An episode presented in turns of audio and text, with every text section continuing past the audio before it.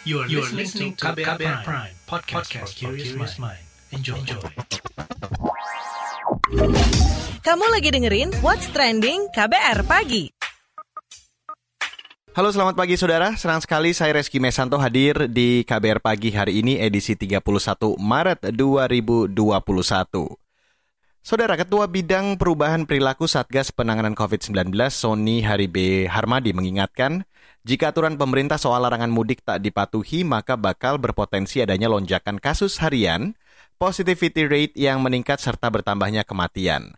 Maka dari itu, kata dia, pemerintah bakal terus berupaya mengingatkan masyarakat agar tidak mudik dan lib liburan. Sony mengatakan Satgas COVID-19 juga berkoordinasi dengan daerah untuk merumuskan kebijakan yang mendukung aturan larangan mudik 2021. Sebelumnya pemerintah resmi melarang mudik lebaran tahun 2021. Keputusan itu diambil usai rapat koordinasi tingkat menteri dan setelah rapat konsultasi dengan Presiden Joko Widodo. Wakil Presiden Maruf Amin menuturkan larangan mudik lebaran diputuskan lebih awal guna mencegah masyarakat mudik lebih awal. Menteri Koordinator Bidang Pembangunan Manusia dan Kebudayaan Muhajir Effendi mengatakan, larangan mudik ini berlaku untuk seluruh masyarakat pada 6 hingga 17 Mei 2021. Dan pagi hari ini, kita akan bahas ini di What's Trending dan saya juga akan mengajak berbincang beberapa narasumber pagi hari ini. Tapi sebelumnya, saya mau ajak Anda untuk mendengarkan opini warganet plus 62 berikut ini.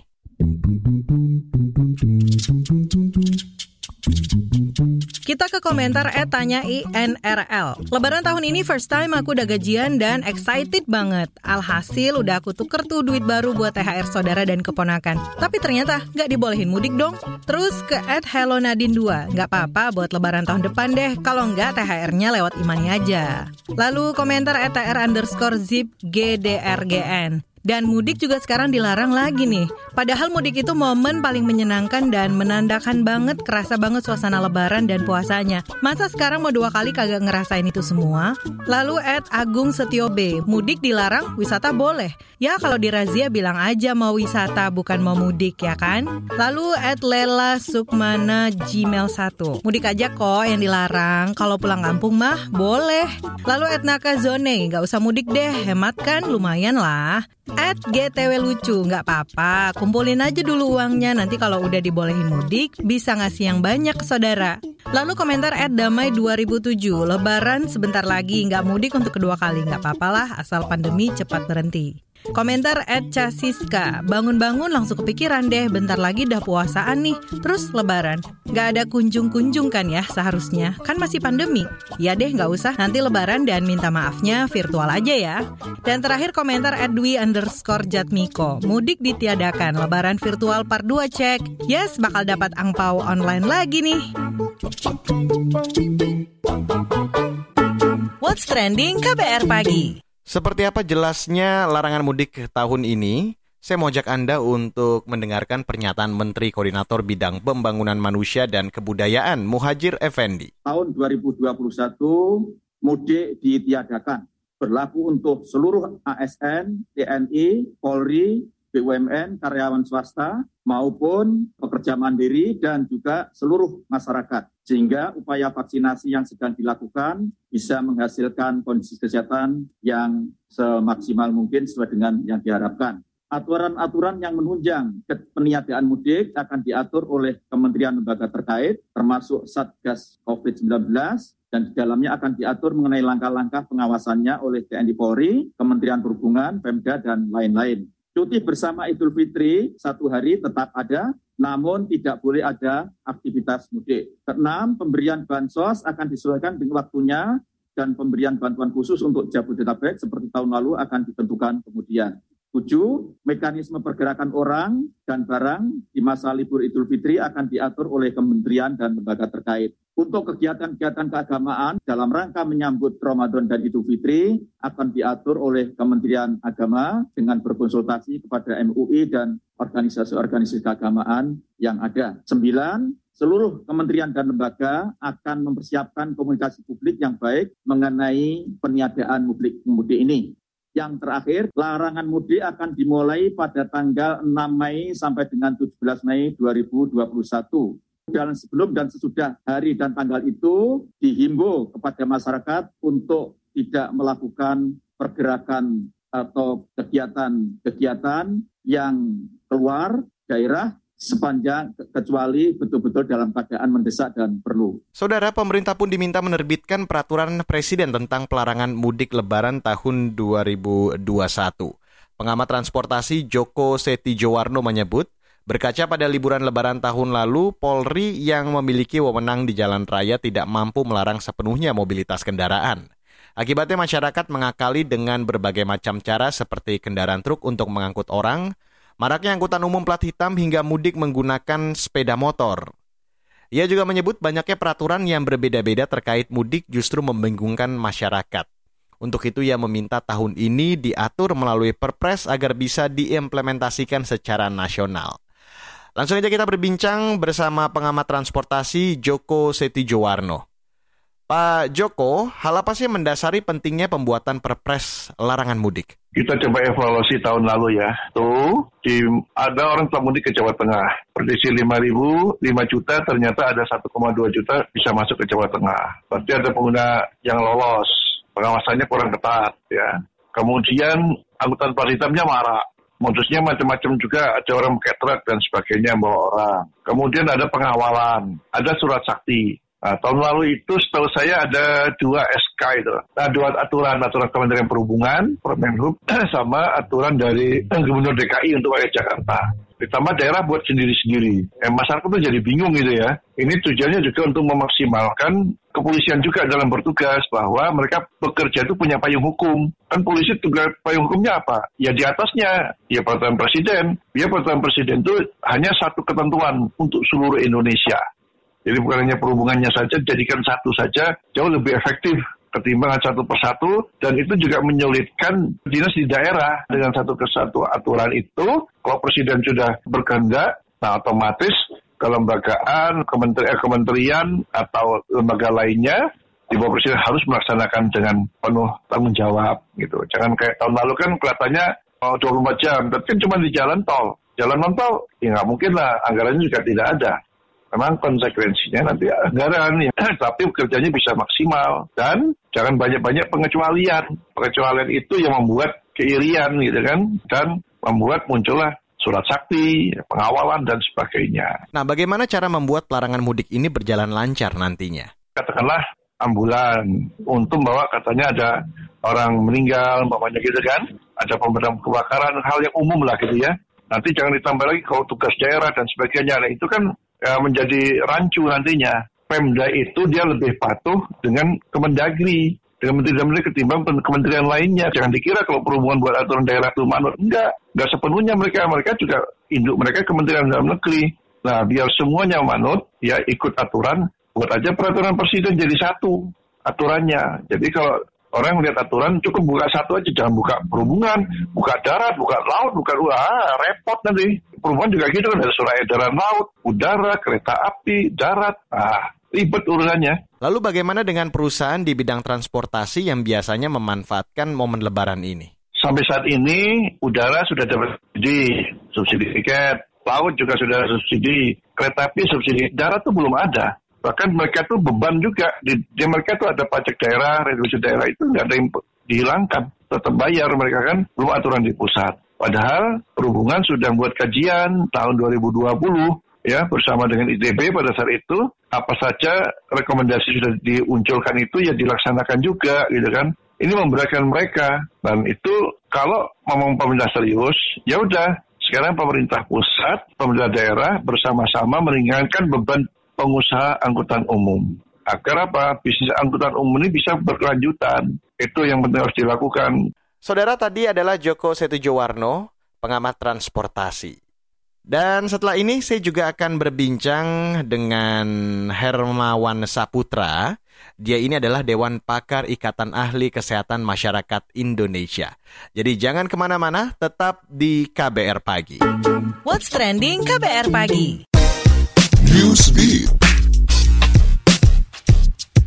Kasus COVID-19 di India melonjak hingga mencapai lebih dari 12 juta kasus. Sebanyak 68 ribu penambahan kasus COVID-19 pun terjadi dalam kurun 24 jam. Angka kasus ini menjadi jumlah terbesar ketiga setelah Amerika Serikat dan Brazil. Lonjakan kasus ini pun terjadi akibat pelonggaran kebijakan pembatasan perjalanan, maraknya kegiatan yang menimbulkan keramaian, serta program vaksinasi yang belum menyeluruh. Namun, di sisi lain mutasi ganda virus COVID-19 ditemukan dari sampel-sampel yang dikumpulkan. Mutasi ganda ini adalah gabungan dari dua variasi baru virus COVID-19 yang sebelumnya telah teridentifikasi. Menteri Luar Negeri Brazil Ernesto Araujo mengundurkan diri dari jabatannya setelah kegagalan pemerintah mengamankan pasokan vaksin COVID-19. Persoalan sulitnya mengamankan vaksin ini pun menjadi hambatan utama berjalannya program vaksinasi bagi 212 juta penduduk di wilayah Brazil. Selain Menteri Luar Negeri, Menteri Pertahanan Brazil, Fernando Azevedo Eziova juga mengajukan pengunduran dirinya. Pengunduran diri Fernando pun hanya berselang beberapa jam setelah pengajuan pengunduran diri dari Ernesto Araujo. Film Godzilla vs. Kong menjadi film Hollywood dengan debut big office internasional terbesar selama pandemi COVID-19 ini. Pendapatannya diperkirakan mencapai 121,8 juta US dollar atau 1,7 triliun rupiah dari 38 pasar internasional. Tiongkok, Meksiko, dan Australia pun menjadi salah satu pasar yang menguntungkan bagi film ini. Negara-negara ini memberikan ulasan positif terkait film ini. Film Godzilla vs. Kong ini sendiri menceritakan soal pertempuran dua makhluk yang mempertaruhkan keseimbangan mereka.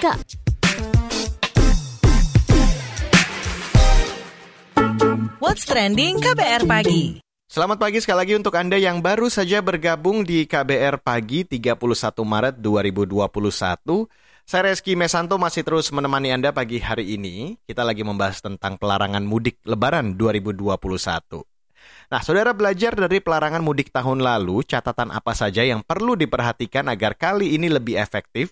Langsung aja saya mau ajak ngobrol Pak Hermawan Saputra, dia ini adalah Dewan Pakar Ikatan Ahli Kesehatan Masyarakat Indonesia. Pak Hermawan, bagaimana tanggapan Anda terkait adanya larangan mudik lebaran tahun ini? Akankah larangan ini efektif nantinya? Iya, kalau kita lihat pengalaman tahun-tahun momentum-momentum sebelumnya, seperti tahun lalu, memang mudik itu membawa dampak besar terkait dengan resiko transmisi kasus COVID. Nah, sehingga bisa kenaikan 2 sampai 3 kali lipat kalau mudik diizinkan.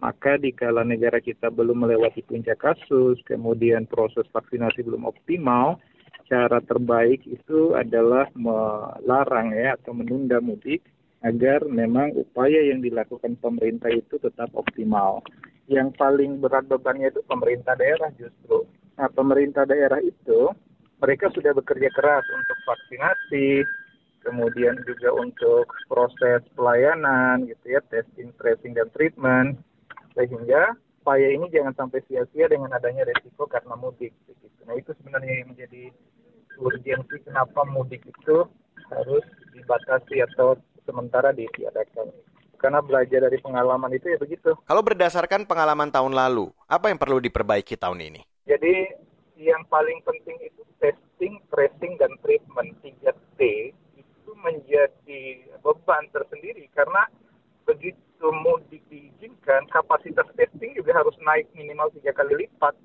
karena adanya mobilitas kan. Jadi orang harus dideteksi apakah mereka membawa virus atau tidak. Nah, jadi di mana-mana harus dilakukan testing. Nah, itu satu PR atau beban pemerintah pusat maupun daerah. Yang kedua, ini kan ada varian baru ya. B117, kemudian 495K. Nah, varian-varian baru ini seperti halnya epidemi di tengah pandemi.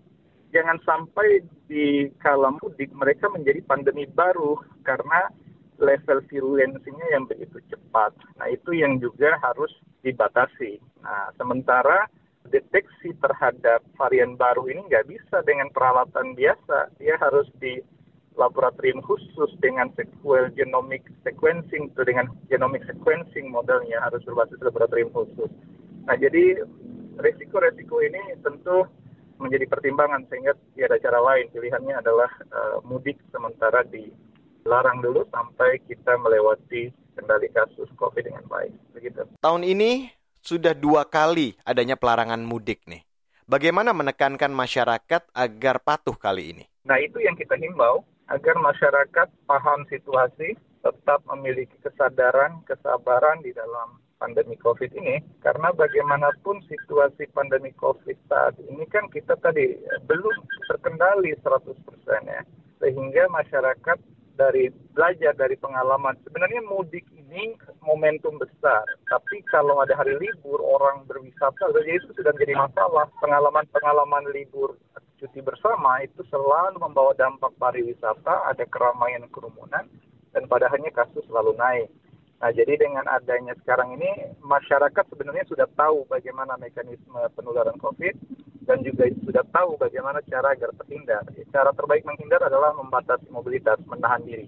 Dan semua pihak harus mengedukasi masyarakat agar kita peduli satu sama lain dan peduli untuk bangsa ini. Begitu intinya. Oke, yang terakhir bagaimana rekomendasi Anda terkait hal ini? Ya, rekomendasinya pertama, pemerintah harus siap siaga penerapan PPKM ya harus diperluas terutama pada daerah-daerah yang memang menjadi prioritas tujuan mudik ya pemudiknya banyak dan uh, kemungkinan orang mudik sembunyi-sembunyi itu akan tetap ada, tetap tinggi.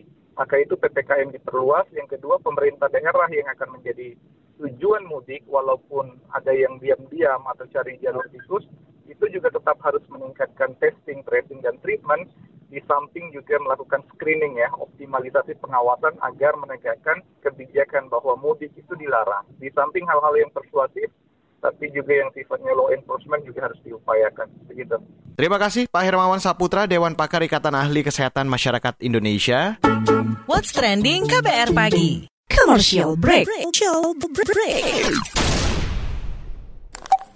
Transfer ke sini udah, bayar ini juga udah. Ke gue udah. Heh, Allah, pertumbuhan ekonomi tuh lagi melambat, persis kayak tabungan gue. Betul banget, harus matang ngelola keuangan. Pengennya tuh investasi sesuatu gitu ya. Apa gitu yang cocok dan menguntungkan? Hmm, coba dengerin uang bicara deh. Gue belakangan lagi dengerin podcast itu di KBR Prime reksadana yang tadinya 500 juta udah turun dari 250 juta sekarang 10 ribu. Sama kita ngopi mahalan mana? Ketika itu ada keputusan yang kayak begitu investor harus tahu gitu oh ada keputusan ini berarti implikasinya apa? Orang mungkin perluas literasi kamu lewat podcast Uang Bicara. Uang Bicara menavigasi kamu dengan menghadirkan bahasan-bahasan seru dan populer mulai dari investasi sampai kebijakan. Dipersembahkan oleh KBR Prime dan bisa didengarkan di KBR Prime, Spotify, dan platform mendengarkan podcast lainnya. KBR Prime, podcast for curious mind. What's trending KBR pagi?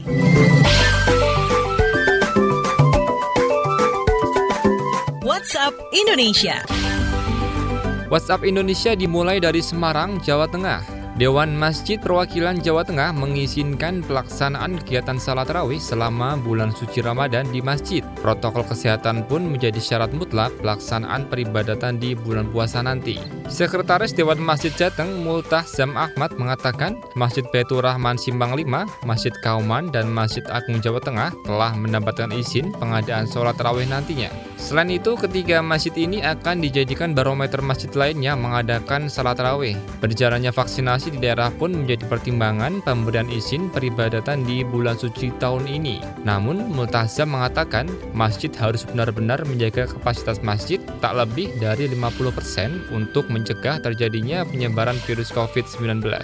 Selanjutnya mampir Bogor, Jawa Barat. Bupati Bogor Ade Yasin siap menyediakan program padat karya untuk membuka keran investasi sesuai arahan Presiden Joko Widodo. Pemulihan ekonomi di tengah pandemi harus segera dilakukan sebab banyak warga yang butuh pekerjaan dan pendapatan. Melansir antara, Ade mengungkapkan Pemkap harus berani membuka keran investasi pada sektor-sektor usaha ekspor. Bangkitnya ekonomi bergantung pada bagaimana pemerintah mengembangkan program padat karya di wilayahnya. Hal ini pun diyakini akan membuka peluang lapangan pekerjaan di tengah pandemi.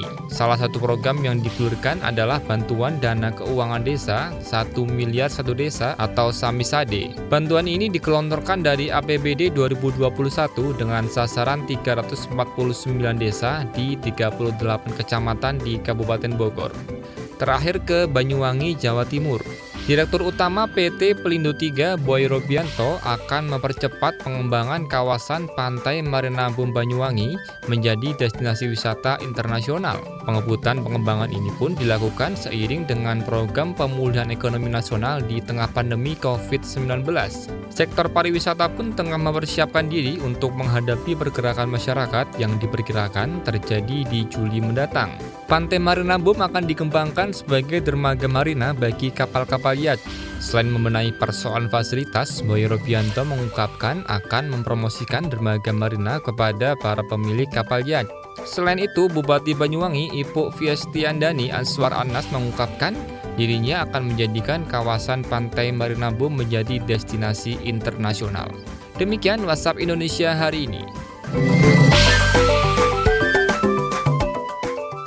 Dan saudara demikian KBR Pagi hari ini edisi 31 Maret 2021. Terima kasih untuk Anda yang sudah bergabung dari awal KBR Pagi. Dan untuk Anda yang tertinggal KBR Pagi hari ini, jangan khawatir karena Anda kembali bisa mendengarkan di KBR Prime, Spotify, dan platform mendengarkan podcast lainnya. Ingat selalu patuhi protokol kesehatan di mana pun Anda berada dan kapan pun, saya Reski Mesanto mewakili tim redaksi yang bertugas pagi hari ini. Kami undur diri. Salam. Terima kasih ya sudah dengerin What's Trending KBR Pagi. KBR Prime, cara asik mendengar berita. KBR Prime, podcast for curious mind.